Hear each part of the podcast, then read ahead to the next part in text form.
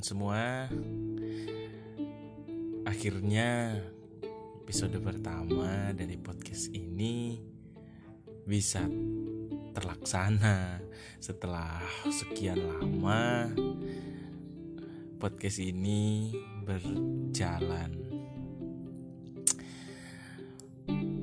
Sepertinya podcast ini akan berjalan di awal dengan suatu hal yang simple dan akan berjalan mengulas tentang seluk-beluk sastra.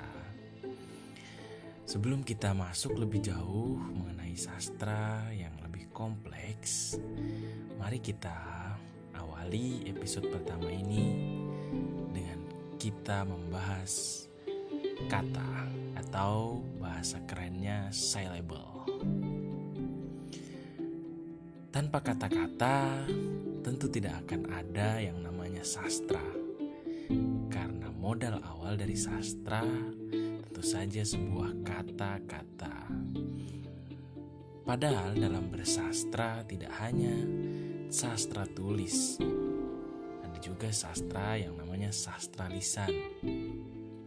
Tapi orang ketika mendengar kata kata sastra, mereka pasti akan yang pertama diingat mereka adalah kumpulan puisi, tumpukan cerpen yang berisikan tentang kata-kata tulisan.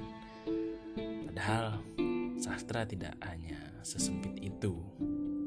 Oke, di episode pertama mari kita berkenalan dengan apa yang namanya kata. Teman-teman tentu sudah tidak asing dengan apa itu kata.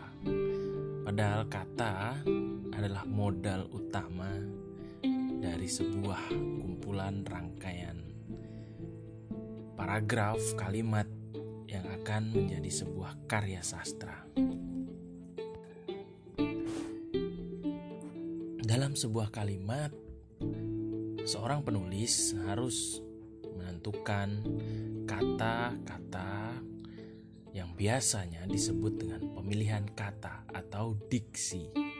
Nah, ketika seorang penulis mampu memilih kata-kata yang tepat, rasanya pun akan berbeda dengan kata-kata yang tidak dipikirkan sebelumnya. Dengan kata-kata yang tepat, seorang penulis akan mampu dengan efektif menemukan tujuan penulisannya akan sampai kepada pendengar dan juga penikmat sastra tersebut. Mari kita ambil contoh. Mungkin ada satu puisi yang sangat fenomenal yang hampir semua kalangan tahu. Puisi itu adalah puisi karya Hairil Anwar, penyair legendaris yang dimiliki Indonesia yang berjudul Aku. Pemilihan kata aku oleh Hairil Anwar adalah sesuatu hal yang sangat brilian. Mengapa jadi begitu? Karena coba bayangkan, ketika Hairil Anwar mencoba sebuah diksi yang lain selain kata aku, maka itu tidak akan mewakilkan apa-apa. Karena dia menulis puisi itu mewakilkan perasaannya. Lalu dia memilih diksi aku akan lebih dekat dengan dirinya. Ketika puisi itu memiliki diksi aku, maka setiap pembaca dapat memiliki puisi tersebut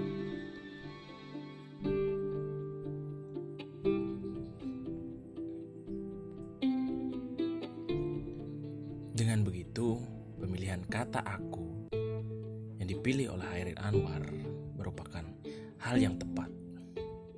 Selanjutnya, pada karya sastra puisi Sapardi Djoko Damono, Aku Ingin.